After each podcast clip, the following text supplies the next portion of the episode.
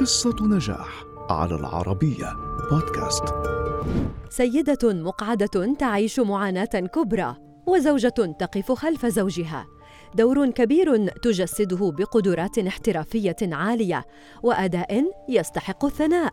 هكذا قدمت جينيفر كونلي نفسها لجماهير الشاشة الكبيرة. ومنذ ذلك اليوم أصبحت نجمة الأوسكار وجولدن جلوب والبافتا التي تؤدي أصعب الأدوار وأكثرها احترافية.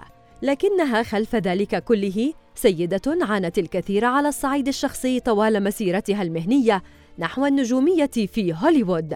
فما قصتها؟ ولدت جينيفر في الثاني عشر من ديسمبر عام 1970 وقامت بعروض الأزياء وهي بالعاشرة. ثم ظهرت في أول أعمالها كراقصة الباليه الشابة في فيلم Once Upon a Time in America وهي في الحادية عشرة. كما قامت بعدها بعدة أدوار لكنها لم تحصل على اهتمام بين أطفال هوليوود حتى تخرجت ودرست اللغة الإنجليزية في جامعة ييل ثم الدراما في ستانفورد.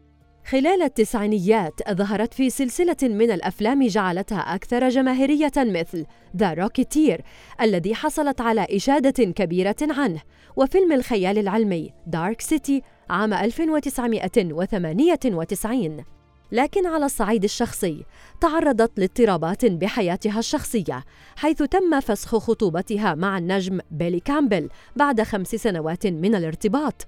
وارتبطت بالمصور ديفيد دوغن الذي أنجبت منه ابنا لكنها انفصلت عنه أيضا كما انفصل والداها في عام 2000 في عام 2001 تألقت جينيفر مع أحد الأفلام التي جلبت لها السعادة.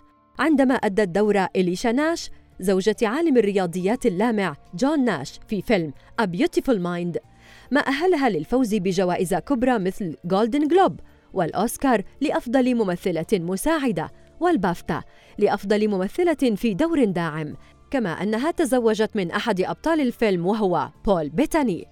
عانت جينيفر في العقد الأول من الألفية ففي عام 2008 توفي والدها بعد إصابته بالسرطان فيما فقدت والدتها في عام 2013 بنوبة قلبية لكنها اجتهدت وحافظت على حضورها وتشاركت أدوار البطولة مع نجوم لامعين فظهرت مع بين كينغسلي في House of Sand and Fog ومع ليوناردو دي كابريو في Blood Diamond كما كانت زوجة تشارلز داروين في فيلم Creation وهو الدور الذي لعبه زوجها الحقيقي بول بيتاني خلال السنوات الأخيرة لعبت جينيفر دور البطولة في فيلم American Pastoral ثم لعبت دور زوجة رجل إطفاء في Only the Brave الذي استوحي من الأحداث الحقيقية لحرائق غابات أريزونا خلال صيف 2013 ثم ظهرت في فيلم الخيال العلمي Alita Battle Angel وقامت ببطولة فيلم Snowpiercer كما شاركت العام الماضي توم كروز في بطولة فيلم Top Gun Maverick الذي نال استحسانا كبيرا لدى الجماهير. اليوم وبعد أكثر من ثلاثة عقود يمكن لجينيفر كونلي أن تقدم نفسها كنجمة حقيقية في هوليوود مع رصيد جيد من الجوائز الفنية والأعمال الناجحة. حيث عملت في 44 فيلما على الأقل وجمعت ثروة تقدر بنحو 50 مليون دولار.